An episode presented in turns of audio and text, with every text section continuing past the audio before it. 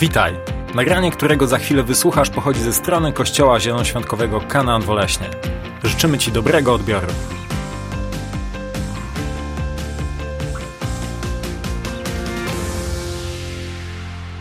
To jest takie oficjalne ostatnie kazanie e, w tym roku i wierzę, że to kazanie e, może naprawdę zmienić Twoje życie. Może naprawdę zmienić Twoje życie. Kilka miesięcy temu, jak e, czytałem ten fragment, na którym się oprę, to ten fragment bardzo mocno poruszył moje serce i wiem, że to jest dzisiaj ten czas. To jest dzisiaj ten czas, aby, aby to kazanie się pojawiło, aby, aby w tym kazaniu a, powiedzieć to, co Bóg wkłada do mojego serca. I, I wierzę, że to będzie z Bożego serca do Twojego serca. Całe kazanie nazywa się na dystans na dystans. Ewangelia Marka, 14 rozdział, 53 werset. Oni tymczasem odprowadzili Jezusa do arcykapłana. Tam zeszli się pozostali arcykapłani, starsi oraz znawcy prawa. Ja wiem, to nie te święta. Okay? To, to, są, to, jest, to jest sytuacja, kiedy aresztowano Chrystusa, kiedy Chrystus jest prowadzony przed sąd i Biblia dalej mówi tak. Piotr natomiast podążał za Jezusem w pewnej odległości. I wszedł aż na dziedziniec pałacu arcykapłana, tam usiadł pośród służby i grzał się przy ognisku. Taka prozaiczna rzecz. Prozaiczna rzecz. Widzimy Piotra, który podąża za Chrystusem, ale Biblia mówi, że podążał za nim w pewnej odległości podążał za nim na dystans. Inne tłumaczenia Biblii mówią, podążał za Chrystusem na dystans. W pewnej bezpiecznej odległości, aby nic, absolutnie nic, nie zagroziło Piotrowi, aby nie został skojarzony z Chrystusem, dlatego że sytuacja była już bardzo poważna. Chrystus już wiedział, że będzie ukrzyżowany, zanim szedł Piotr i wiedział o tym, że jeśli będzie szedł blisko niego, to może się to również źle skończyć dla Piotra. A więc Piotr postanowił iść w pewnej odległości, w pewnej odległości za Chrystusem. To on szedł za Chrystusem na dystans. I chcę ci coś powiedzieć. Bóg dzisiaj zadaje Ci takie bardzo konkretne pytanie. Czy chcesz iść ze mną na dystans, czy chcesz iść za mną blisko mnie? Dlatego, że kiedy możesz iść za Jezusem na dystans, możesz, możesz. I tak możesz przetrwać życie. Jeśli poddałeś swoje życie Jezusowi Chrystusowi, to, to będziesz zbawiony, to będziesz zbawiony. Natomiast jeśli będziesz dalej szedł za nim, natomiast jeśli będziesz szedł blisko niego, to w tym momencie jesteś człowiekiem, który wypełnia to, co Bóg od ciebie chce. W tym momencie to chrześcijaństwo wygląda zupełnie inaczej. I, i, i obserwując chrześcijaństwo, to, to widzę, że chrześcijaństwo na dystans jest bardziej popularnym chrześcijaństwem niż chrześcijaństwo w totalnej bliskości pomiędzy Chrystusem a nami. Kiedy jedziesz samochodem, kiedy jedziesz samochodem, to bardzo często na ciężarówkach jest napisane zachowaj odstęp. Zachowaj bezpieczny odstęp. I my bardzo często w taki sposób próbujemy budować nasze chrześcijaństwo.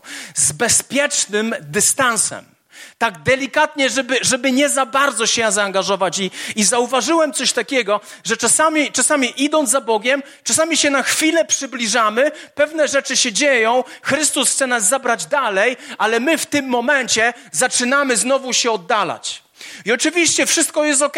Chodzisz do kościoła, czytasz Biblię, śpiewasz pieśni, podnosisz swoje ręce, wszystko jest ok, ale jednak jest dystans pomiędzy Bożym sercem a Twoim sercem. I chciałem, chciałem Wam pokazać, co powoduje dystans w naszym życiu. Co powoduje chrześcijaństwo na dystans w naszym życiu? Po pierwsze, dystans osłabia relacje. Dystans osłabia relacje. Mamy, przepraszam, że teraz się udam w takie rejony bardzo prywatne, ale mamy młode małżeństwo, mamy Wojtka i mamy Anię. Nie wiem, czy zauważyliście, ale Ania już jest wśród nas. Tak, dobrze by było ją przywitać, a nie, no, widzimy. Ania pojechała i wróciła i całe szaleństwo polegało na tym, całe szaleństwo polegało na tym, w tym wyjeździe, że to się stało ile dni po ślubie? Dwa tygodnie, gratuluję. Szaleństwo. To nie jest wzór do naśladowania. Dwa tygodnie, dwa tygodnie po ślubie pojechać sobie na misję. To, to nie jest wzór do naśladowania. To jest szaleństwo. To jest szaleństwo. Ale coś wam powiem. Jakby wyglądało Twoje małżeństwo, jakby wyglądało Twoje małżeństwo, albo małżeństwo Wojtka i Ani, gdyby Ania postanowiła pojechać na dwa lata na misję i mieliby fantastyczną relację przez Skype'a. Czy to jest ta sama relacja? Czy to jest ta sama relacja, kiedy jedna osoba może usiąść obok drugiej i mogą sobie porozmawiać i mogą się chwycić za ręce, mogą sobie popatrzeć w oczy i jest między nimi bliskość, jest między nimi intymność. To jest, to jest absolutnie, to jest inny świat. To jest inny świat. Nie można budować żadnej relacji na dystans. Jeśli próbujesz budować relacje na dystans, to dystans osłabi tą relację i w końcu dzieją się niebezpieczne rzeczy. Dlatego jest wielki procent małżeństw, które, które, które się rozwiodły. Z tego względu, że w pewnym momencie, ja tego nie oceniam, ja opisuję sytuację, mąż czy żona byli zmuszeni wyjechać na zachód, aby tam pracować. I te wyjazdy, bo oni się pojawiali później w domu z powrotem raz na miesiąc, i ta relacja była coraz słabsza i słabsza i słabsza i słabsza, aż w końcu co się dzieje? Ta relacja została zerwana i przeniesiona zupełnie na kogoś innego. I to jest standard, dlatego że dystans, dystans osłabia relacje. Dystans osłabia relacje. I ciekawe jest to, ciekawe jest to, że w relacji z Bogiem kiedy my dystansujemy się do Pana Boga, kiedy ta relacja nie jest tą relacją, że ty płaczesz. Okay? Ja mam teraz taki czas w święta, słucham kolęd i płaczę. Okay? Kupiłem sobie taką fantastyczną płytę, e, którą, którą robił Mateo, 25 różnych kolęd z całego świata i powiem wam, że, że, że mnie to tak porusza, że Chrystus przyszedł na ziemię że to mnie tak porusza, tak mnie to dotyka, ale wiecie, kiedy mnie to dotyka? Wiecie, kiedy mnie to porusza? Wie, wiecie, kiedy to wytwarza w moich oczach łzy? Wiecie, kiedy? Kiedy nie ma dystansu pomiędzy mną a Bogiem, kiedy, kiedy jesteśmy blisko. Kiedy ja zaczynam rozumieć, co to było dla Boga Ojca zdecydować, że Chrystus przyszedł na ziemię. I to mnie porusza. I to mnie porusza i poruszają mnie poszczególne fragmenty w tych kolendach, które, które są po prostu piękne które, które mają mnóstwo głębi, ale kiedy mnie to porusza? Wtedy, kiedy jest bliskość pomiędzy mną a Bogiem. Kiedy jest bliskość pomiędzy mną a Bogiem. I w Księdze Apokalipsy, w, w, w trzecim rozdziale i dwudziestym wersecie, Pan Jezus zwraca się do siedmiu różnych kościołów. Do siedmiu różnych kościołów. I jednym z tych siedmiu różnych kościołów był kościół w Laodycei. Kościół w Laodycei, który bardziej znany jest z tego, że mówi się o tym kościele w Laodycei, lepiej, żebyś był zimny albo gorący, ale jako, że jesteś letni, to wypluję cię z moich ust. Nie, nie chcę wchodzić w ten fragment i teraz o tym rozmawiać. Natomiast poruszę teraz fragment, który my bardzo często jako chrześcijanie używamy do ludzi, którzy nie znają Chrystusa, bo on, on, on, on jest do tych i do tych, ale został napisany do Kościoła. I w trzecim rozdziale, dwudziestym wersecie Biblia mówi tak. Oto stoję u drzwi, pukam. Jeśli ktoś usłyszy mój głos i otworzy drzwi, wstąpię do niego i będę z nim ucztował, a on ze mną. To jest, Jezus mówi do kościoła. Ja sto... On mówi do kościoła, on nie mówi do ludzi niewierzących. Ja stoję u waszych drzwi, u waszego serca, pukam do waszego serca. Jeśli otworzysz swoje serce, wejdę do ciebie i będę z tobą wieczerzał. Jezus nie mówi o jednorazowym akcie. Jezus nie mówi o czymś, co raz się wydarza i jest koniec. Jezus mówi o tym, że On ciągle stoi u naszych serc, że On ciągle puka do naszych serc i On pragnie, aby każdego dnia, każdego dnia nasze serca się otwierały na relacje z Nim. Oto stoję u drzwi i kołaczę. Bliskość z Jezusem to nie jest przereklamowany jakiś komunał. Bliskość z Jezusem wytwarza zmianę. Bliskość z Jezusem wytwarza zmianę. Kiedy chodzisz z Jezusem, a później nie chodzisz z Jezusem, to ludzie widzą zmianę na Twojej twarzy, że coś jest z Tobą nie tak. Że coś jest inaczej, dlatego że bliskość Jezusa zmienia rzeczywistość. Co się zmienia? Co się zmienia, kochani, kiedy my jesteśmy blisko Jezusa? Pierwsza rzecz. Stajemy się takim jak On. Księga Psalmów, 135 psalm, wersety od 15 do 18. Bożki pogan to srebro i złoto. Dzieło ludzkich rąk. Mają usta, ale nie mówią, mają oczy, ale nie widzą, mają uszy, ale nie słyszą i nie ma oddechu w ich ustach. Psalmista opisuje standardowy, standardowego bożka. Ma usta, ale nie mówi, ma oczy, ale nie widzi, ma uszy, ale nie słyszy. Opisuje standardowego bożka i dalej Biblia mówi tak. Podobni są do nich ci, którzy je robią, którzy je wytwarzają i wszyscy, którzy w nich pokładają ufność. Nie, nie wiem, czy wyłapałeś. Stajesz się tym, co uwielbiasz. Stajesz się dokładną kopią tego, co uwielbiasz. Jeśli uwielbiasz pieniądze w swoim życiu, jeśli one są najważniejsze w Twoim życiu, to stajesz się podobny do nich. Stajesz się podobny do nich. Stajesz się człowiekiem, który jest prowadzony głównie, ale to głównie przez rządzę w Twoim życiu, rządzę chciwości w Twoim życiu. To, co uwielbiasz, tym się stajesz. Jeśli, jeśli boisz się strachu, jeśli boisz się czegokolwiek, jeśli myślisz o tym, czego się boisz, to w pewnym momencie nawet nie wiesz, ale zaczynasz to uwielbiać. Zaczynasz to wywyższać i stajesz się zawsze, ale to zawsze podobny do tego, kogo uwielbiasz. Dlatego niesamowicie istotne jest to, aby w Twoim życiu aspekt uwielbienia był na porządku dziennym, bo wtedy stajesz się podobny do tego, kogo uwielbiasz.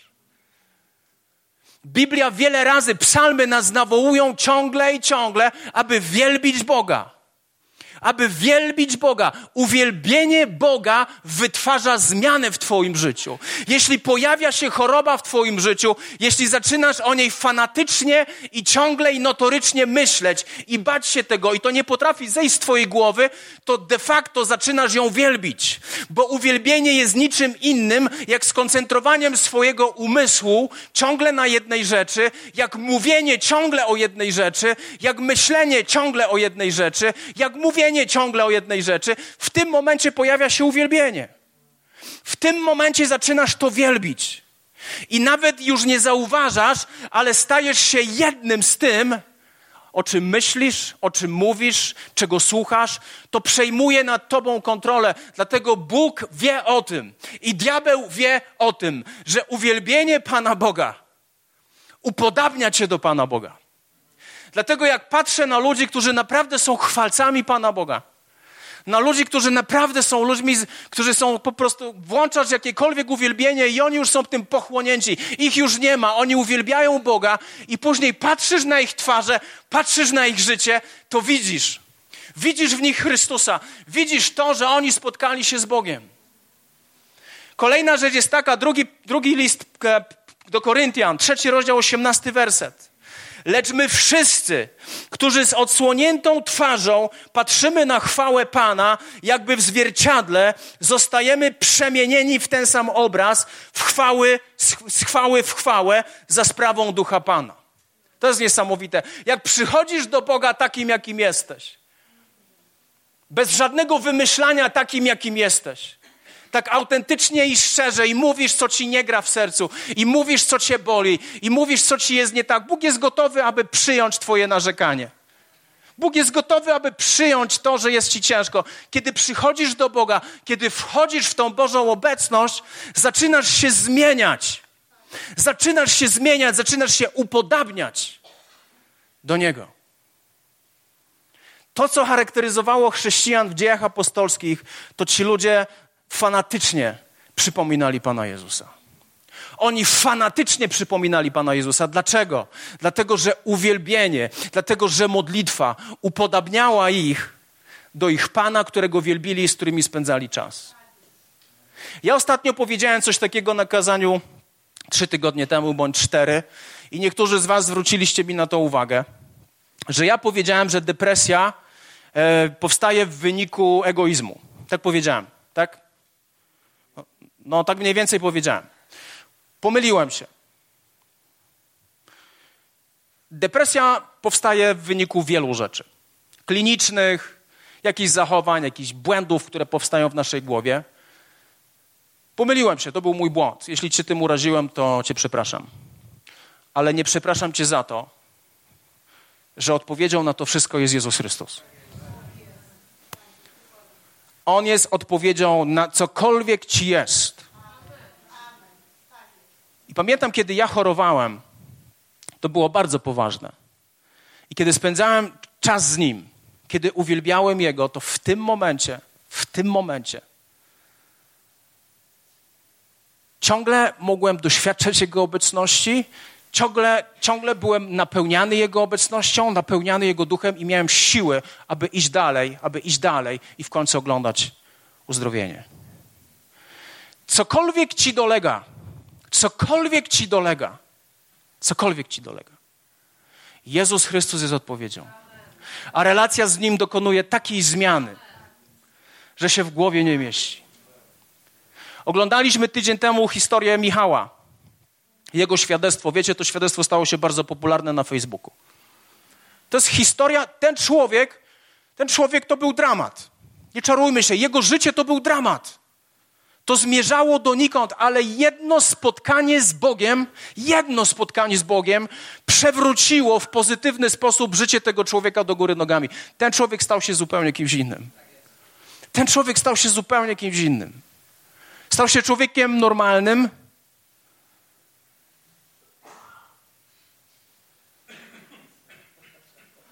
Stał się człowiekiem, stał się człowiekiem, który szaleńczo kocha Pana Jezusa. Stał się człowiekiem, który zaczął chodzić w swoim przeznaczeniu. Co go zmieniło? Jedno spotkanie z Bogiem. Powiem ci, uzdrowienie, uwolnienie, cokolwiek, to jest jedno spotkanie z Bogiem. Jedno spotkanie z Bogiem zmienia wszystko. A więc dystans, dystans, kochani, osłabia relacje, ale kiedy mamy z nim relacje, stajemy się takimi jak on. Po drugie, kiedy masz relacje, komunikujesz się z nim. To jest, to jest niesamowicie istotne. Henryk Wieja napisał teraz książkę Sam na sam z Panem Bogiem. To jest moja pasja, odkąd się nawróciłem. Być sam na sam z Panem Bogiem. Napisał tą książkę po śmierci swojej żony, Aliny Wiei. Napisał to z zupełnie innej perspektywy, z innej perspektywy niż napisałby przed śmiercią swojej żony. Czytam sobie tą książkę, ona nie jest jakaś długa, ona, to są trzy strony dziennie w rozdziale i są pełne, pełne głębi. I zostawia cię, każdy rozdział zostawia cię, abyś przegadał pewne rzeczy z Panem Bogiem. Zachęcam cię, abyś kupił sobie to na święta. Abyś zainwestował w relację właśnie z Nim. Abyś umacniał tą relację, abyś nie traktował chrześcijaństwa na, na dystans. A więc komunikujesz się z Nim. Ewangelia Jana, 10 rozdział, 4 werset. A gdy wypuści swoje owce, idzie przed nimi, a owce idą za Nim, bo znają Jego głos. Ile książek czytaliśmy na temat tego, jak słyszeć Pana Boga? Pewien, pewien pastor powiedział tak: Mój syn jest głuchy. Prawie nic nie słyszy. 85% jego słuchu zupełnie nie funkcjonuje. Ma tak potężny uszczerbek. A ja jestem jego ojcem. A więc jak ja się chcę z nim komunikować, to krzyczę do niego, aby on mógł mnie zrozumieć. I on mówi, czyż nie tak jest z Panem Bogiem? Że Bóg bardzo często krzyczy do nas, tylko my tego nie słyszymy. Że Bóg bardzo często krzyczy do nas. Bogu zależy, żebyś usłyszał. Bardziej niż Tobie zależy na tym, aby usłyszeć. Bogu zależy na tym. I jest jedna rzecz, kiedy czytasz Boże Słowo, kiedy czytasz je każdego dnia, Jestem w stu procentach przekonany przez 22 lata mojego chrześcijaństwa, że Bóg ma, Bóg ma słowo na każdy dzień do Twojego życia, które albo umocni Cię w miejscu, w którym jesteś, albo Cię pocieszy, albo Cię skoryguje, albo Cię przygotuje na to, co nadchodzi. To jest takie proste. To jest takie proste. Komunikujesz się z Chrystusem, kiedy, kiedy spędzasz z Nim czas, kiedy czytasz Boże Słowo. Ewangelia Mateusza, czwarty rozdział, czwarty werset. A on odpowiedział, jest napisane, nie samym chlebem będzie żył człowiek, ale każdym słowem pochodzącym z ust Bożych. Jeśli, jeśli traktujesz Chrystusa na dystans, to prawdopodobnie chodzisz wygłodzony. Ludzie wygłodzeni traktują Chrystusa na dystans. Wiecie, chrześcijaństwo na dystans i pójście za Jezusem na dystans jest trudno rozpoznać z zewnątrz. To jest trudno rozpoznać z zewnątrz. To wszystko wydaje się tak samo. Przychodzisz, jesteś w kościele, otwierasz czasami Biblię w domu, ale to może być ciągle na dystans. Dlatego, że Jezus powiedział, nie samym chlebem żyje człowiek, ale każdym słowem, które pochodzi z ust Bożych. To jest Twój pokarm. Jeśli nie ma, nie ma w Twoim życiu nawyku czytania Biblii, to chodzisz głodny. Chodzisz wygłodzony, chodzisz jako ten, który, który, który jest niedożywiony, jesteś daleko od Boga. Bóg próbuje coś mówić do ciebie z każdej strony Biblii. Bóg dla ciebie ma słowo każdego dnia, ale on ciebie nie słyszy, ty go nie słyszysz. On krzyczy, ale ty go nie słyszysz, bo ty nie masz czasu. Wiecie, celowo przyniosłem te wszystkie moje książki, wszystkie moje na tą chwilę, bo ja mam taką przypadłość, że czytam cztery albo pięć książek naraz. Bo, bo to nie to, że czytam 15 rozdziałów z tej i 20 z tej. Nie, czytam jeden rozdział dziennie. Jeden rozdział dziennie, jeden rozdział z tej, jeden rozdział z tej, jeden rozdział teologii systematycznej stąd, przywództwo Johna Maxwella stąd i, i wiecie, to mi zajmuje dziennie pół godziny. Pół godziny. Pół godziny czasu zajmuje mi czytanie czterech, pięciu książek na, na, na jednocześnie. Dlatego, że ja chcę czytać książki, przez które Bóg mówi do mnie. Chcę czytać książki, które inspirują moje serce. Chcę czytać książki, które pociągają mnie do Jezusa. Słowo jest najważniejsze, ale nawyk czytania Bożych rzeczy, nie dużo, jeden mały rozdział, kilka stron dziennie i to będzie przemieniać Twoje życie. Ja nie jestem na emeryturze, żeby siąść do książki. Moje, ja często mojej mamie pożyczam książki. Gdybym ją jej dzisiaj pożyczył, to ona by mi już ją we wtorek zwróciła. Ja, ja, nie mam, ja nie mam czasu na to. Ja nie mam czasu na to. Może też nie mam takiej pojemności, aby całą książkę uchwycić naraz. Jakkolwiek wolę sobie czytać powolutku, jak to mówią na Śląsku, langzam, langzam. Kiedy, kiedy przybliżasz się do Boga, stajesz się silniejszy. Ewangelia Marka, 14 rozdział, 38 werset. Czuwajcie i módlcie się, abyście nie ulegli pokusie. Duch wprawdzie jest ochoczy, ale ciało jest słabe. Jezus mówi do swoich uczniów. Czuwajcie i módlcie się. Innymi słowy, nie oddalajcie się ode mnie, nie oddalajcie się ode mnie, abyście nie ulegli pokusie. Ja, ja, czytałem wiele rzeczy na temat tego, jak unikać grzechu, jak walczyć z pokusą, ale jest jedna podstawowa rzecz. Jeśli ty idziesz za Jezusem na dystans, nie masz żadnych szans, aby ostać się, kiedy przyjdzie pokusa do Twojego życia. Kiedy jesteś daleko od Boga, nie masz żadnych szans, żadnych szans, aby się ostać. Dlatego Chrystus powiedział do swoich uczniów, jeśli Chrystus to powiedział, to jest to niesamowicie ważne. Czuwajcie i módlcie się, abyście nie ulegli pokusie. W Stanach Zjednoczonych zrobiono badania na temat grzeszących ludzi. To jest materiał dowodowy, jest potężny. I, i, I zauważono jedną rzecz, że ludzie, którzy ciągle wpadają w grzechy, to są ludzie, którzy nie mają relacji z Jezusem. Albo mają ją przypadkową od czasu do czasu, taka, taka niegłęboka relacja, taka właśnie na dystans. Dlatego, że niemożliwe jest przybliżyć się do Jezusa, niemożliwe jest się przybliżyć do Niego i pójść od razu i grzeszyć. To jest nierealne, bo Ty się spotykasz z potężnym Bogiem. Ty się, przemien- ty się zmieniasz na Jego podobieństwo. To jest nierealne, to Cię umacnia. To Cię umacnia. Druga rzecz odnośnie dystansu. Dystans tworzy przestrzeń dla substytutów Chrystusa. Nie wiem, kto z Was to zauważył, ale w Ewangelii Marka w 14 rozdziale, 54 wersecie, jeszcze raz przeczytam ten werset. Piotr natomiast podążał za Jezusem. w pewnej odległości i wszedł aż na dziedzi, dziedziniec pałacu arcykapłana. Tam usiadł pośród służby i grzał się przy ognisku. Jaki paradoks. Jaki to jest paradoks. Piotr szedł w pewnej odległości, szedł na dystans. Powiedzmy, że tu jest Chrystus. Tu, w tym, moment, w tym miejscu jest Chrystus.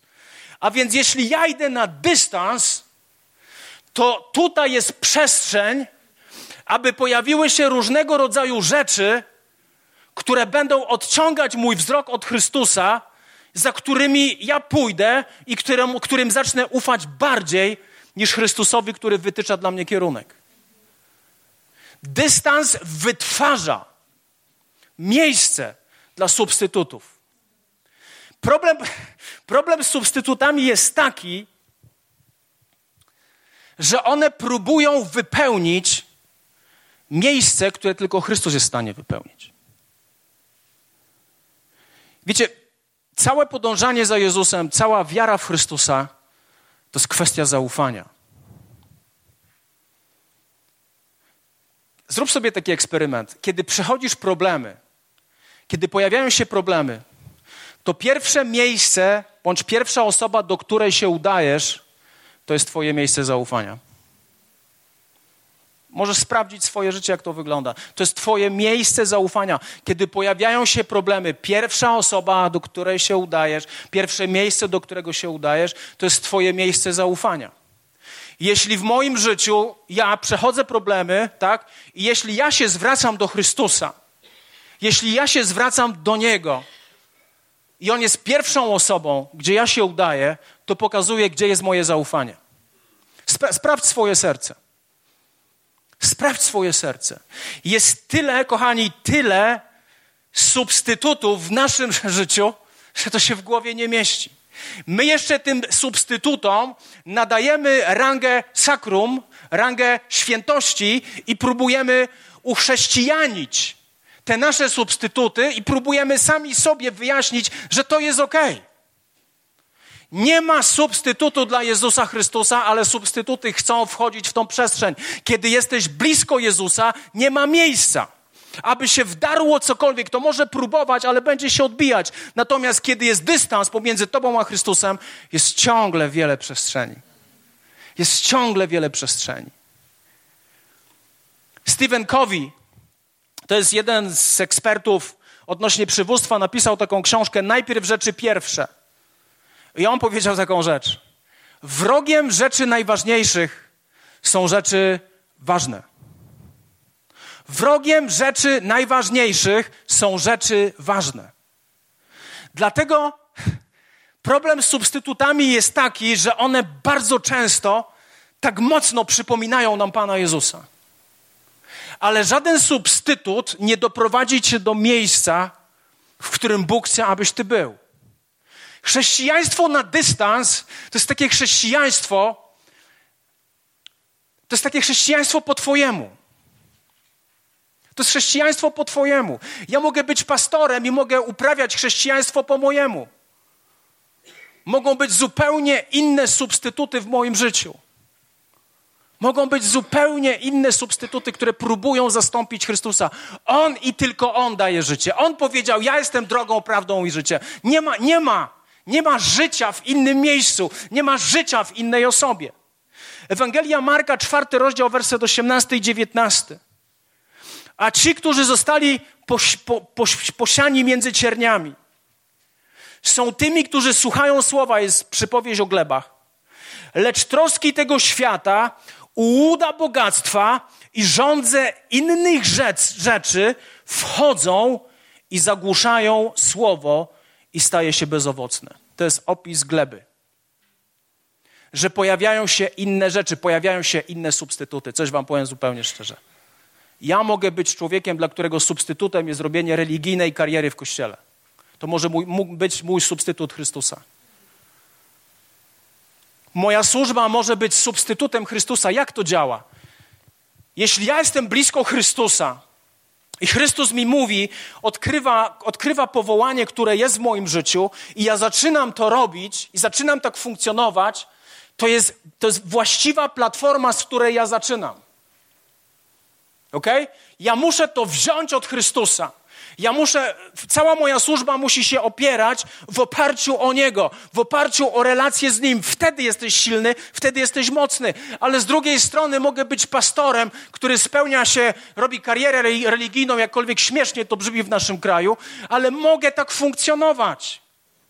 I substytut Chrystusa staje się dla mnie celem. Tylko substytut Chrystusa nigdy nie daje ci życia tak jak ta gleba, pojawia się wiele różnych rzeczy, troski tego świata, łuda bogactwa, rządze innych rzeczy. One wchodzą i zagłuszają owoc. Popatrz dzisiaj na swoje życie tak szczerze. Jak blisko Jezusa jesteś? Czy jesteś tu, czy jesteś gdzieś bardzo daleko? Jeśli jesteś gdzieś bardzo daleko, Jest mnóstwo rzeczy, które próbują przejąć kontrolę nad Twoim życiem. To niekoniecznie są grzeszne rzeczy. To niekoniecznie są grzeszne rzeczy. Nigdy, kochani, nie było tyle możliwości substytutów chrześcijaństwa, co jest teraz. Nigdy. Nigdy w życiu.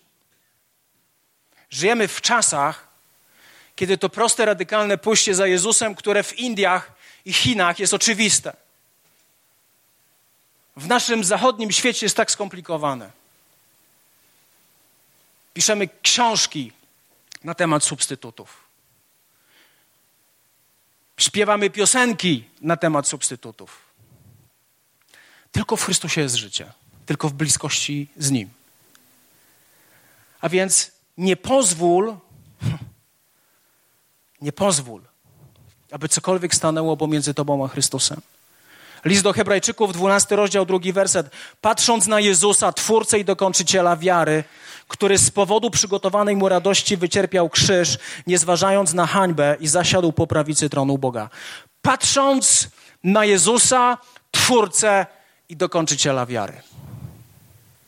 Patrząc na Jezusa, jest taka stara pieśń, stara pieśń chrześcijańska nazywa się hymnem. Po angielsku to się nazywa hymn. I ta pieśń brzmi tak: zwróć swój wzrok na Jezusa. Wiecie, jaka jest potężna moc w tej pieśni? Ona jest taka prosta, ona jest taka zwyczajna. Ona nie mówi o tym, a jest mi źle, czasami jest mi dobrze, panie podnieś mnie, na, na, na. Ona nie mówi o tym. Ona, mówi, ona podaje od razu rozwiązanie. Zwróć swój, swój wzrok na Jezusa. I, I to śpiewali ludzie, którzy byli chrześcijanami w czasie II wojny światowej. To byli ludzie, którzy byli mordowani za chrześcijaństwo. To byli ludzie, którzy ponosili olbrzymią, olbrzymią, płacili olbrzymią cenę za chrześcijaństwo. Ci ludzie śpiewali zawsze: zwróć swój wzrok na Jezusa. Jest mnóstwo, ale to mnóstwo rozpraszaczy w naszym życiu. Mnóstwo. Jesteś totalną kopią tego, kim masz być, jeśli Chrystus nie jest dla ciebie absolutnie wszystkim, jeśli jest odległość pomiędzy tobą a Chrystusem. Okej, okay. trzecia rzecz. Dystans wytwarza zdystansowane błogosławieństwo. My myślimy, że takie pójście za Jezusem czasami przybliżenie się, o jak tu jest fajnie, ale Chrystus chce czegoś więcej, a więc znowu się oddalam, znowu się oddalam od Niego, znowu się oddalam, znowu się oddalam. My myślimy, że to chrześcijaństwo Bóg będzie niesamowicie błogosławił. Dystans powoduje zdystansowane błogosławieństwo. Kochani, jest coś takiego jak łaska powszechna. To jest, to jest zjawisko teologiczne. To, to, to zjawisko mówi tak, Ewangelia Mateusza 5, rozdział 45, werset. Abyście nie byli synami waszego Ojca, który jest w niebie, On bowiem sprawia, że Jego słońce wschodzi nad złymi i nad dobrymi i deszcz syła na sprawiedliwych i niesprawiedliwych. To jest łaska powszechna. To jest coś, co Bóg ma dla każdego swojego, dla każdego człowieka. Stajesz się Jego dzieckiem i Bóg, Bóg naprawdę traktuje ciebie jak dziecko. Ale kiedy pojawia się dystans między tobą a Chrystusem, w tym momencie masz zdystansowane błogosławieństwa. Chrystus nie jest w stanie dać ci wszystkiego, bo ty tego nie jesteś w stanie przyjąć ani zrozumieć. Jest łaska powszechna, ale Bóg względem ludzi, którzy są blisko Niego, Bóg prowadzi tych ludzi w specyficzny, inny sposób. Dlatego czytamy o Abrahamie, który jest ojcem wiary, ale Abraham oprócz tego, że jest ojcem wiary, był nazwany, że jest przyjacielem Boga. Dlatego czytamy o Noe, który był człowiekiem, który zbudował arkę, kiedy jeszcze w ogóle nie było deszczu. To był totalny akt wiary, ale Noe również przejawiał przyjacielstwo względem Pana Boga. Mówimy o Jobie, który przeszedł ciężki czas w swoim życiu, bardzo ciężki, ale Job był również człowiekiem, który był, był przyjacielem Pana Boga. Mówimy o Dawidzie, który był człowiekiem według Bożego serca, który był najbardziej skutecznym królem, dlatego że Dawid był przyjacielem Pana Boga. I Bóg tych ludzi prowadził w zupełnie inny sposób. Bóg w tych ludzi traktował w zupełnie inny sposób.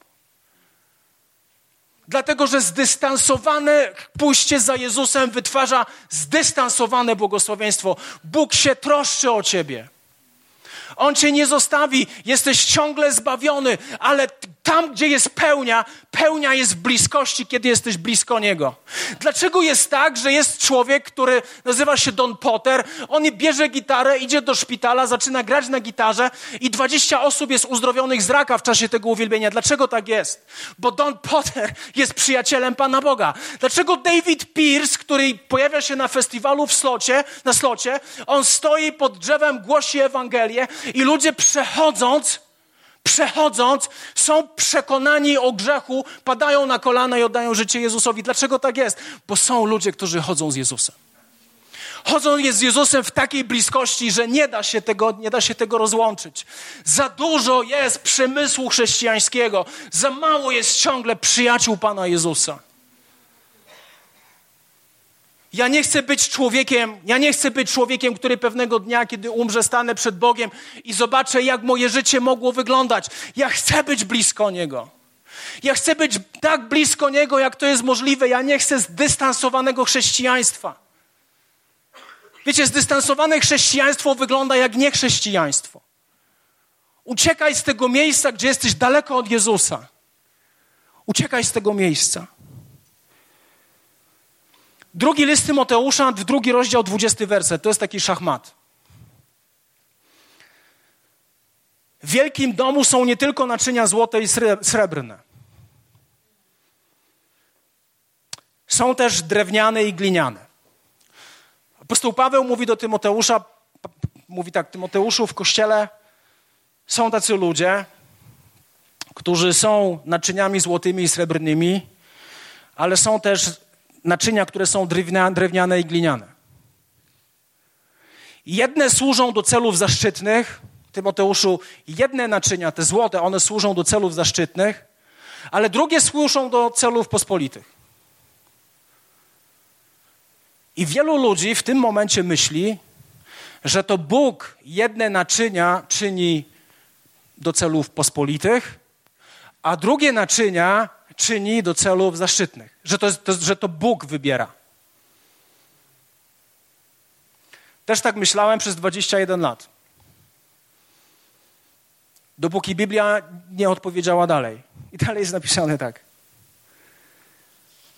Jeśli więc ktoś zachowa siebie czystym od rzeczy pospolitych, będzie naczyniem do celów zaszczytnych, poświęconym i przydatnym dla Pana, gotowym do wielkiego dobrego dzieła.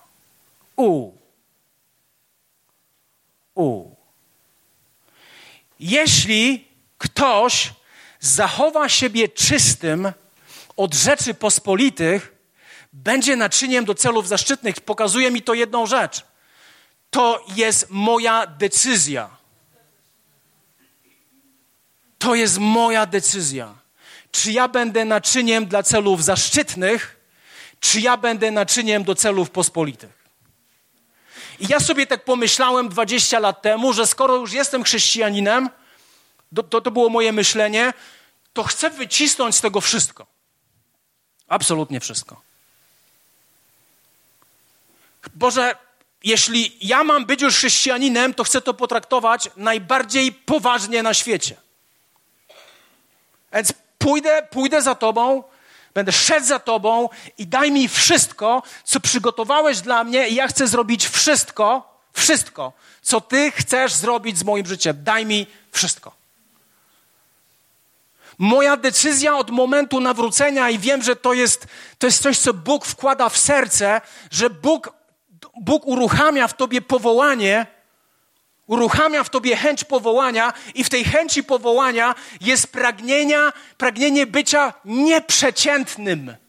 Niezwykłym, nienormalnym, nieprzeciętnym, ale wzięcia od Boga tego, do czego zostałeś stworzony. Ja nie wiem, co dla ciebie oznacza powstrzymać się od rzeczy pospolitych. Ja wiem, co to dla mnie oznacza, nie wiem, co to dla ciebie oznacza, bo dla każdego z nas oznacza to zupełnie coś innego. Niektórzy ludzie poszli w radykalność, a więc powiedzieli, że oni muszą przez rok teraz udać się do pustelni, aby, aby spędzić tam czas z Panem Bogiem, aby oddzielić się od tych rzeczy pospolitych. Celowo Paweł nie mówi, co to jest. Paweł nie mówi, co to jest. Dla każdego z nas to jest zupełnie coś innego. Rozmawiałem z takim pastorem, rozmawialiśmy na temat picia alkoholu. Bardzo ambitny temat. Ja mówię, a ty pijesz piwo? Pytam się go, on mówi nie.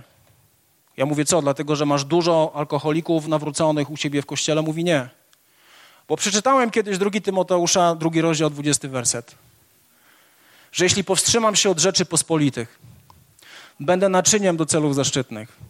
A ja, Sławek, chcę być naczyniem do celów zaszczytnych. Nie interesuje mnie coś innego. To jest Twoja decyzja. To jest Twoja i moja decyzja. Czy jesteś naczyniem do celów zaszczytnych, czy jesteś naczyniem do celów pospolitych. Ale nie jesteś przeznaczony jako naczynie do celów pospolitych. Nie pozwól innym ludziom określać, co jest dla ciebie pospolite, a co jest szlachetne. Nie pozwól. Nie pozwól. To jest sprawa pomiędzy tobą a Bogiem. Ale ja nie chcę mojego życia spędzić tak, że robiłem coś dla Boga, byłem w pewnym dystansie i robiłem pewne rzeczy, które były pospolite, które nie były przeznaczone dla mnie. To nie oznacza, że ten, kto ma mikrofon, jest powołany do celów szlachetnych. Absolutnie nie. Ten, który powstrzymuje się od rzeczy pospolitych, ten jest przeznaczony do tego, aby być naczyniem do celów zaszczytnych. To jest Twoja decyzja. To jest Twoja decyzja. Bóg nie prowadzi nas przykazaniowo. Bóg nie prowadzi nas na takiej zasadzie, że daje nam listę tysiąca przykazań i jeśli nie będziesz to robił albo nie będziesz tego robił, to w tym momencie, to w tym momencie będziesz naczyniem do celów zaszczytnych. Dla każdy z nas. Każdy z nas wie, co jest pospolite w Twoim życiu, a co w Twoim, twoim życiu jest szlachetne. Cała moja siła, kochani, w moim życiu chrześcijańskim jest bardzo prosta. Źródło mojej siły jest bardzo proste.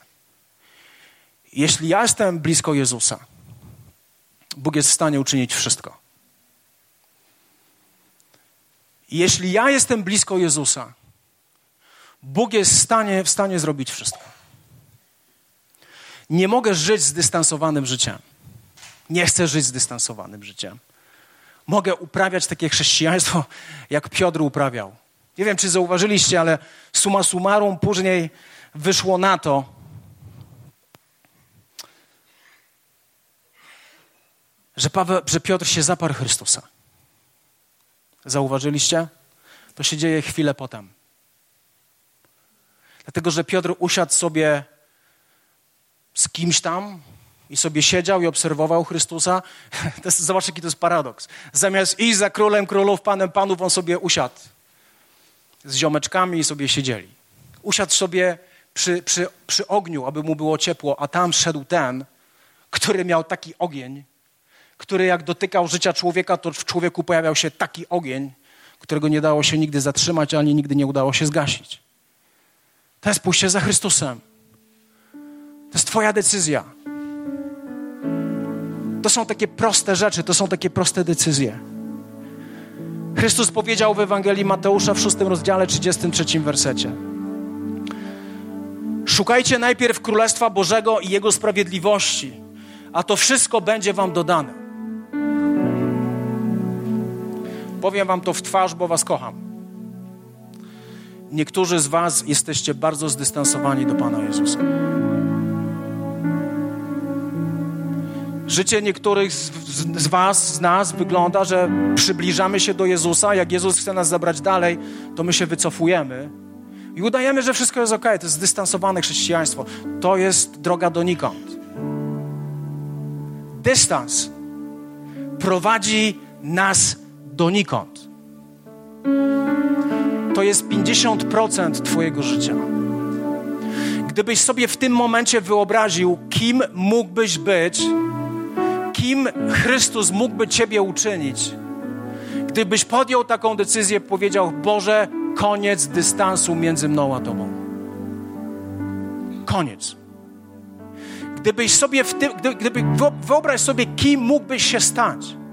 Pomyśl o pragnieniach w Twoim sercu, kim chciałbyś być w Bogu. Prawdopodobnie to jest On, który umieścił to w Twoim sercu, ale to jest do odblokowania tylko w taki sposób, kiedy przybliżysz się do Niego i nie będzie żadnego dystansu. Ewangelia Łukasza, ta znana przypowieść o synu marnotrawnym. Wiecie, znowu, jak, to, to jest jak z listem do Laodycei.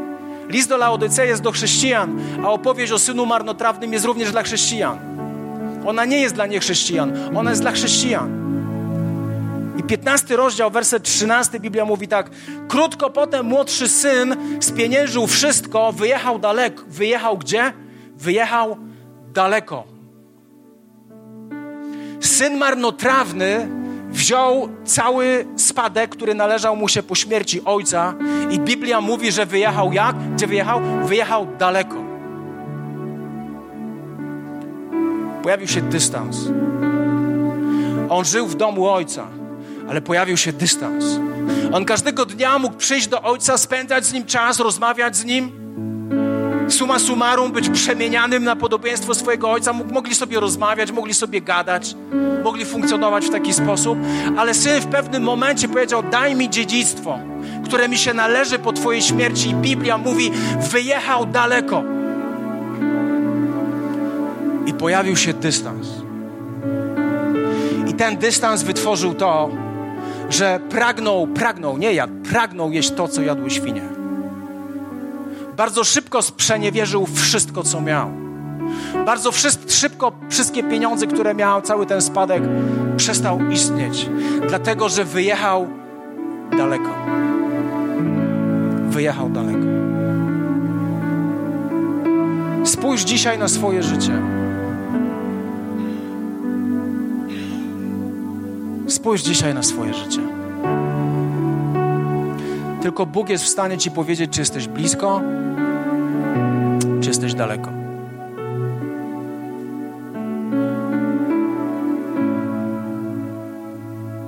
Tylko, tylko Bóg jest w stanie Ci to powiedzieć. Nikt nie jest w stanie tego osądzić. Nikt nie jest w stanie tego ocenić. Na sam koniec przeczytam Wam historię, która jest bardzo emocjonalna. Zabiorę Was w trochę Greki, ale ja, ja, moje pojęcie o Grece jest troszkę wyżej niż Twoje. Na słowo miłość w języku greckim są cztery określenia. Są cztery słowa. Język, język grecki ma potężną głębię. Ma potężną głębię. Na przykład słowo miłość jest określane słowem a, sorge. To jest słowo, które mówi o miłości, normalnej miłości, nie jakoś sprecyzowanej. To jest miłość. Jest słowo greckie, które mówi, które, które brzmi eros. Mówi o miłości seksualnej, mówi o miłości intymnej pomiędzy mężem a żoną. I są teraz dwa słowa, które są kluczowe w tej całej historii. Jest słowo agape i jest słowo fileo. Słowo agape oznacza bezwarunkową miłość, która nie stawia warunków. I cokolwiek byś nie zrobił, to ta osoba, która praktykuje miłość agapę w Twoją stronę, cokolwiek byś nie zrobił, to ta osoba dalej będzie Ciebie kochać. Nawet jakbyś udał się daleko, to agape nigdy nie przestaje funkcjonować. To jest Boża miłość. To jest Boża miłość. To jest miłość, która jest bezwarunkowa. Drugi rodzaj miłości to jest, to jest drugie, kolejne słowo, to jest słowo fileo. To jest słowo, które oznacza przyjacielską miłość. Przyjacielską miłość. I posłuchajcie tej arcyciekawej konwersacji. Ewangelia Jana, 21 rozdział, 15 werset. Jezu, Piotr, sytuacja, kiedy Piotr się załamał, zaparł się Jezusa, wrócił do tego, co znał, czyli łowił ryby. I Chrystus pojawił się w życiu Piotra po to, aby pojednać się z nim, aby doprowadzić go do miejsca pojednania. Gdy więc zjedli śniadanie, Jezus zapytał Szymona Piotra: Szymonie, synu Jana, czy kochasz mnie? I tu jest to słowo agape. Czy twoja, Jezus się spytał, czy twoja miłość względem mnie jest bezwarunkowa? Czy ta miłość jest na tyle, na tyle głęboka, że jesteś w stanie poddać swoje życie z miłości do mnie? Czy jesteś w stanie? A więc Jezus się go pyta, czy ty mnie agape, agape bardziej niż pozostali? Odpowiedział, tak, panie, ty wiesz, że cię fileo. Jezus mówi, czy ty mnie, czy ty mnie agape? Czy Twoja miłość względem mnie jest taką samą miłością, jaką ja mam względem Ciebie? Czyli ona jest bezwarunkowa. To jest miłość, która, która jest w stanie oddać swoje życie za drugą osobę. Czy Twoja miłość jest taka? I Piotr odpowiada w dziwny sposób, mówi, przynajmniej był szczery. Tak, panie, tak, panie. Dla polskich czytaczy, oni tak się nie zorientują. Ja cię fileo. Jezus nie wiem, co wtedy pomyślał i mówi, no, Pan na to dbają moje jagnięta. Lecz zapytał go znów po raz drugi, Szymonie, synu Jana, czy ty mnie agapę? No i Piotr się zreflektował i odpowiedział, no Panie, Ty wiesz, że Cię fileo.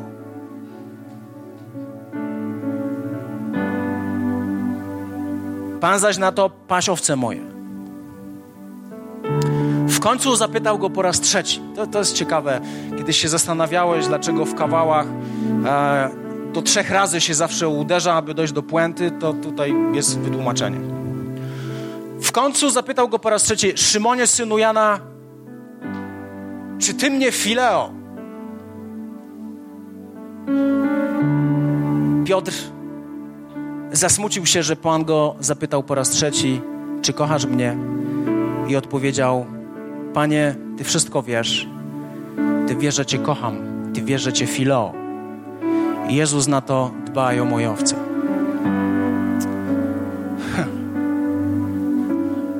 Nie wiem, czy Ty wyczuwasz tą głębię, która tutaj jest. Jezus chciał w Piotrze, przynajmniej w Piotrze, mieć kogoś, kto go kocha tak, jak on kocha Piotra. Przy, przynajmniej jedną osobę na ziemi, przynajmniej no, zap, zaparłeś się mnie, ale byłeś ze mną, chodziłeś po wodzie, by, byłeś ze mną. Tyle rozmów mieliśmy. I mam nadzieję, że chociaż Ty mnie agapę, że chociaż Ty mnie kochasz w taki sposób. I Piotr trzy razy mu powiedział, ja Cię fileo. I za trzecim razem Jezus jakby powiedział, okej, okay. okej, okay. na tą chwilę nie jesteś w stanie dać mi nic więcej. Jak ty mnie będziesz fileo, okej, okay. niech tak będzie. Dobrze, że przynajmniej to fileo w tobie jest. Dobrze, że przynajmniej ta, ta miłość przyjacielska jest w tobie względem mnie. Że ty mnie chociaż fileo. Ciekawe jest to, co mówi kolejny werset. Kolejny werset mówi o tym, że Jezus zapowiedział, w jaki sposób umrze Piotr. Piotr został ukrzyżowany, został ukrzyżowany, tak mówi historia Kościoła, ale nie tak jak Chrystus, tylko został ukrzyżowany głową w dół. Dlatego, że powiedział, że nie jest godzien umrzeć tak jak jego mistrz. To był moment, kiedy Piotr zrozumiał, co to jest agapę. Co nam, co nam ta historia mówi? Ta historia nam mówi, że kochaj Pana Boga dzisiaj, najbardziej jak potrafisz. Ale kiedy będziesz Go poznawał, kiedy będziesz coraz bliżej Niego, to miłość agape pojawi się automatycznie w Twoim życiu na skutek przebywania z Nim. I będziesz w stanie oddać swoje życie za mnie i kochać mnie tak, jak ja kocham Ciebie, kiedy się mnie przy, przybliżysz jeszcze bardziej do mnie, kiedy poznasz moje serce. Jezus pragnie miłości agape ode mnie i od Ciebie, dlatego że On sam daje Ci miłość agape podążanie za Nim, podążanie za Nim powoduje, że bez dystansu powoduje, że zakochujesz się w Nim coraz bardziej i bardziej i bardziej i bardziej, a Twoje życie przemienia się coraz bardziej i bardziej i stajesz się tak potężnym błogosławieństwem dla innych ludzi. Nie na wskutek tego, jaki Ty jesteś fantastyczny, ale na wskutek tego, z kim Ty przebywasz.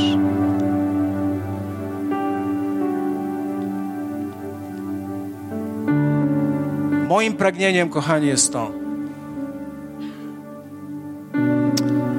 abyś przestał tak iść za Jezusem. Tak bezpiecznie. Nie, nie, ma, nie ma się co przybliżać. No bo jeśli się przybliżę do Jezusa i będę słyszał Go coraz bardziej, to może być tak, że On zacznie pragnąć pewnych rzeczy z mojego życia, a ja, a ja nie. Nie. Ja, ja nie chcę. Zdystansowane pójście za Chrystusem powoduje, pokazuje jedną rzecz. To jest znak, który pokazuje jedną rzecz. To ciągle ja jestem Panem mojego życia. Ciągle ja. Tylko, że kiedy przybliżasz się do Jezusa, tam już nie ma Ciebie. Tam już mówi, jak mówisz, jak Paweł w liście do Galacjan w drugim rozdziale, 20 wersecie, żyje nie ja, ale żyje we mnie Chrystus. Dlatego, że jesteś tak blisko Niego. Taka bliskość tłumaczy mi ludzi, którzy są w stanie na, na przestrzeni historii Kościoła oddała, oddawać swoje życie za Jezusa Chrystusa, bo oni emanują tą samą miłością względem Jezusa, tą miłością agapę, którą Jezus emanuje względem nas. Że cokolwiek, cokolwiek, cokolwiek, cokolwiek by się nie działo, cokolwiek by się nie działo, ja będę kochał mojego Boga. Jeśli będę musiał oddać życie za, za mojego Boga, to ja to zrobię z olbrzymią przyjemnością, bo moja miłość względem Niego jest agape, a nie fileo, przyjacielska miłość i będę mógł się wycofać w danym czasie. Czasami będę mógł się zdystansować, czasami będę mógł się przybliżyć, ale ta miłość ciągle będzie. Celem jest agape. Agape z Chrystusem tylko wtedy staniesz się tym, kim On chce, abyś się stał. Wiecie, całe moje serce rezonuje. Bo ja wiem, że Bóg pragnie relacji bez dystansu. Kiedy, kiedy, kiedy modlę się, kiedy myślę, kiedy modlę się o Was, kiedy myślę o Kościele, kim, kim mógłbyś być, gdybyś przestał żyć zdystansowaną relacją z Bogiem? Gdybyś przestał czynić przestrzeń pomiędzy Jezusem a Tobą. Wiecie, to mogą być Twoje dzieci, to może być Twoja żona, to może być Twój mąż, to może być Twoja praca. To może być absolutnie wszystko i to nie jest złe. To nie jest złe. Ale Jezus mówi: idź, szukaj mojego królestwa, Jego sprawiedliwości, a wszystkie rzeczy, których potrzebujesz, będą Ci dodane. To, co próbuje zastąpić tą, wypełnić tą przestrzeń pomiędzy Tobą a Jezusem, to ma być Ci dodane, kiedy jesteś blisko Niego. W tym momencie masz właściwą perspektywę na to wszystko, że jest Ci to dodane, ale Ty nie przychodzisz do Jezusa po to, aby to dostać. Ktoś mi kiedyś zadał pytanie, Sławek, a gdybyś nie został uzdrowiony, gdybyś dzisiaj jeździł na wózku inwalidzkim, czy ty dalej byłbyś chrześcijaninem? To jest bardzo dobre pytanie. Kiedy byłem chory, przeczytałem księgę Joba, w której było napisane. Job powiedział w pewnym momencie, co jest wielkie: Choćbyś mnie zabił, będę Ci ufał. Choćbyś mnie zabił. Oczywiście Bóg nie zabija, ale to było zrozumienie Joba. Ale choćbyś mnie zabił, będę Ci ufał. Nie chcę być człowiekiem, który nie ma dystansu z Jezusem za coś. On i tylko On jest dla mnie najważniejszy, jest najważniejszą osobą, jest celem mojego życia, jest rozwiązaniem w moim życiu, jest moją ucieczką, jest moim uzdrowieniem, jest moim uwolnieniem, jest moją siłą. On. I nikt inny i nic innego. Ciekawe jest to, że mówię to wszystko w takim kontekście, że, że za chwilę zapytam Ciebie, jeśli chcesz się ościć za tydzień. Innymi słowy, jeśli chcesz przybliżyć się do Jezusa bardziej, jeśli chcesz skrócić ten dystans, jeśli chcesz być bliżej Niego, to za chwilę w moim biurze się spotkamy, jeśli chcesz się ochrzcić, jeśli chcesz, aby nie było tego dystansu. I chciałbym pomodlić się z każdym z Was na te święta. Nie, nie traktuj tego, o, świetne kazanie na święta. To nie jest na święta. To jest na te święta, na za rok, na za dwa, na za pięć. Przestańmy żyć zdystansowanym życiem z Panem Jezusem. Dzieją się niesamowite rzeczy, kiedy się przybliżamy do Niego. Niesamowite rzeczy. Ja tego doświadczyłem, że tam jest uzdrowienie, tam jest zbawienie, tam jest uwolnienie. Tam jest siła, tam jest spełnienie. Tam jest absolutnie wszystko właśnie w Nim. Jeśli nie chcesz mieć dystansu pomiędzy Jezusem a, a, a pomiędzy sobą a Jezusem, jeśli wiesz, że żyłeś tak bezpiecznie, to bądź dzisiaj na tyle odważny i powstań i pomodlimy się, aby złamać totalnie ten dystans. Bądź na tyle odważny, po prostu wstań, nie musisz nigdzie wychodzić i chcemy się, chciałem się modlić o Ciebie.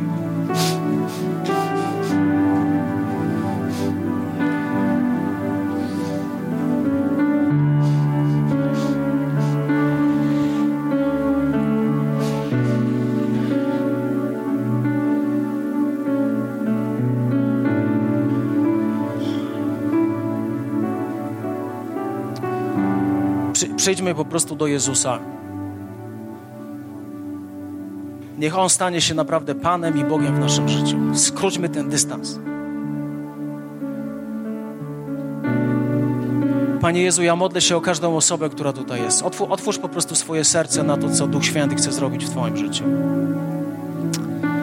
Panie Jezu, ja modlę się o każdą osobę, która tutaj jest, łącznie Panie z sobą samym. Panie, my potrzebujemy, Duchu Święty, Twojej bliskości. My potrzebujemy być blisko Ciebie. Nie chcemy, Panie, jak Piotr, podążać za Tobą w pewnej odległości, ale chcemy być tak blisko Ciebie. Chcemy, Duchu Święty, być tak blisko Ciebie. Chcemy tak blisko, Panie, być Ciebie, że będziemy, Panie, słyszeć Twój głos, że będziemy wręcz, Panie, czuć Twój oddech, że będziemy czuć Twoją bliskość. Ty jesteś Bogiem, w którym jest uzdrowienie, Ty jesteś Bogiem, w którym jest uwolnienie, Ty jesteś Bogiem, w którym jest zbawienie. Panie Jezu, ja modlę się, abyś, aby wszelkie, wszelki dystans został zniwelowany, Panie. Wszelki dystans, abyś Ty mówił do nas, Panie, co musi zniknąć z naszego życia, czego musimy się pozbyć, co musimy oddać totalnie Tobie, aby przybliżyć się do Ciebie. Panie, pod koniec dnia, pod koniec naszego życia, to właśnie relacja z Tobą będzie jedyną relacją, którą Ty przeniesiesz z ziemi do nieba. To będzie jedyna relacja, Panie. My chcemy przyjść do Ciebie. Kiedy staniemy w niebie przed Tobą, Panie, my chcemy Cię rozpoznać, ale chcemy również być rozpoznani przez Ciebie. Chcemy również być rozpoznani przez Ciebie i chcemy, Boże, spotkać się, kiedy się spotkamy, Panie, aby doświadczyć tej potężnej, potężnej bliskości, której nie jesteśmy w stanie doświadczyć tutaj na ziemi. Panie, ale tutaj na ziemi nie chcemy mieć żadnego dystansu, żadnego dystansu pomiędzy nami a Tobą. Panie, ja modlę się o każdą osobę w tak szczególny sposób, aby ten kolejny nadchodzący rok był rokiem totalnie przełomowym. Był takim rokiem, że poznamy Ciebie, Duchu Święty, w taki sposób jak nigdy wcześniej. I na wskutek, Panie, poznawania Ciebie, na wskutek miłości względem Ciebie, niech wszystko, co Ty chcesz, aby wypływało z naszego życia, niech wypływają rzeczy, które jeszcze nigdy wcześniej nie wypłynęły, bo nie mogły, bo byliśmy daleko od Ciebie. Duchu Święty, ja modlę się. Modlę się o każdą osobę. Modlę się o każdą osobę. Niech, ta, niech ten dystans zostanie złamany w imieniu Jezusa Chrystusa. Boże, niech przyjdzie Twoja łaska. Niech przyjdzie Duchu Święty Twoja łaska. Niech przyjdzie Twoje przekonanie. Panie, być może są, Duchu Święty, wśród nas tacy, którzy są tak bardzo daleko od Ciebie i nigdy nawet nie podjęli decyzji, że chcą być blisko Ciebie. Biblia mówi o tym, że największy dystans pomiędzy człowiekiem a Bogiem tworzy grzech. Nie ma, nie, nic nie tworzy większego dystansu. Ale właśnie Jezus Chrystus stał się dla nas mostem, kiedy przychodzisz do Chrystusa, kiedy poddajesz Mu swoje życie. On staje się dla Ciebie mostem, On staje się dla Ciebie drogą, abyś mógł przyjść do Boga Ojca. Kiedy przyjdziesz do Niego, kiedy przeprosisz Go za swoje grzechy, kiedy poprosisz Go o przebaczenie, to jest moment, kiedy przybliżasz się do Jezusa. To jest moment, kiedy Twoje życie totalnie się zmienia, bo spotykasz się z potężnym, niesamowitym Bogiem. Jeśli chciałbyś dzisiaj poddać swoje życie Chrystusowi, chciałbyś się po prostu przybliżyć do Niego, to proszę pomóc się ze mną w taki prosty, zwyczajny sposób. Panie Jezu, ja przychodzę do Ciebie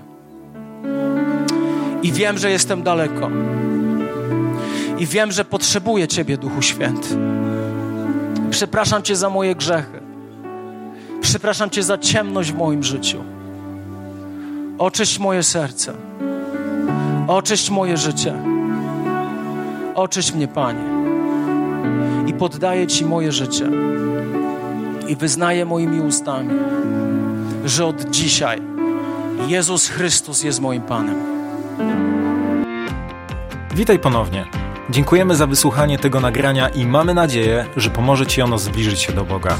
Jeśli dziś podejmujesz decyzję o zaufaniu Jezusowi i uznaniu Go Twoim Zbawicielem, to chcemy Ci pogratulować.